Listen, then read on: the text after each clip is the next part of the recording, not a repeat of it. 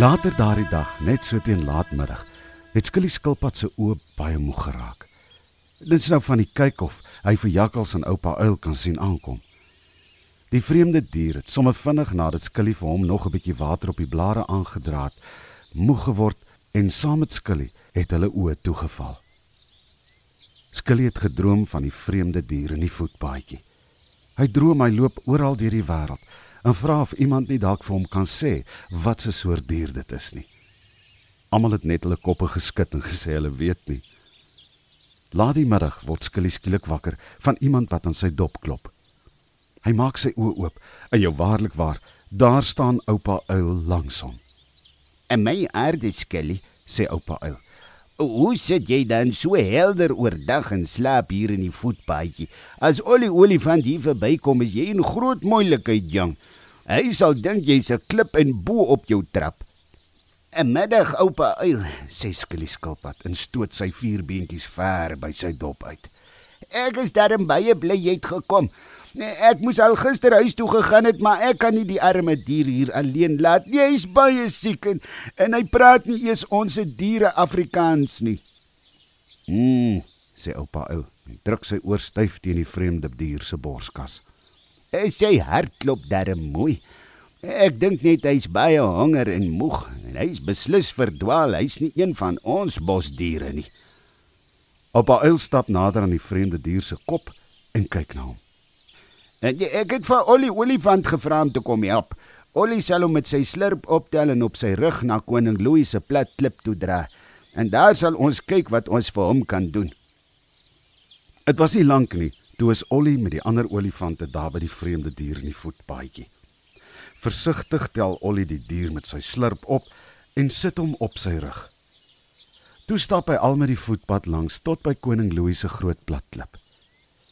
Koning Louis het by sy paleis uitgekom en na die diere gekyk. "Hm, my wêreld," sê koning Louis toe hy die vreemde dier op die plat klip sien lê. "Dit is 'n kangeroe. Dit is 'n dier wat van Australië afkom." "'n Kangeroe," sê oupa uil uit die veld geslaan. "Maar hoe sal hy hier in ons bos beland? Australië is dan ver oor die see." "Maar dit is so," sê koning Louis. Maar Callie Kraai was gister by my. Hy vertel dat een van die wildsboere aan die ander kant van ons bos 'n wildtuin begin het met allerlei diere van reg oor die wêreld daarin. Ek dink hierdie ouetjie het verdwaal en toe hier by ons beland. Net toe kom Callie Kraai daar aangevlieg. "Middag, middag, middag," kry sy. "Ek kyk hier, Callie," sê koning Louis. "Een van die nuwe wildskamp se kangaroos het verdwaal en hier by ons in die bos beland." Net daar begin Callie kraai met die kangaroo in sy eie taal praat. Die kangaroo is so bly om te hoor iemand kan sy taal praat dat hy sommer net daar en dan opstaan en regop sit. Uh, "Wat sê ons gas?" wil koning Louis by Callie kraai weet. Hy sê baie dankie dat julle almal so mooi na hom gekyk het. Hy is nou baie bly en wil teruggaan na sy mense toe. Hy sê sy vrou en kleintjies moet seker al baie bekommerd wees oor hom. Nou toe dan, sê koning Louis. Dan sal ek baie bly wees as jy saam met hom sal vlieg, Callie, en gaan wys hom waar die wildtuin is.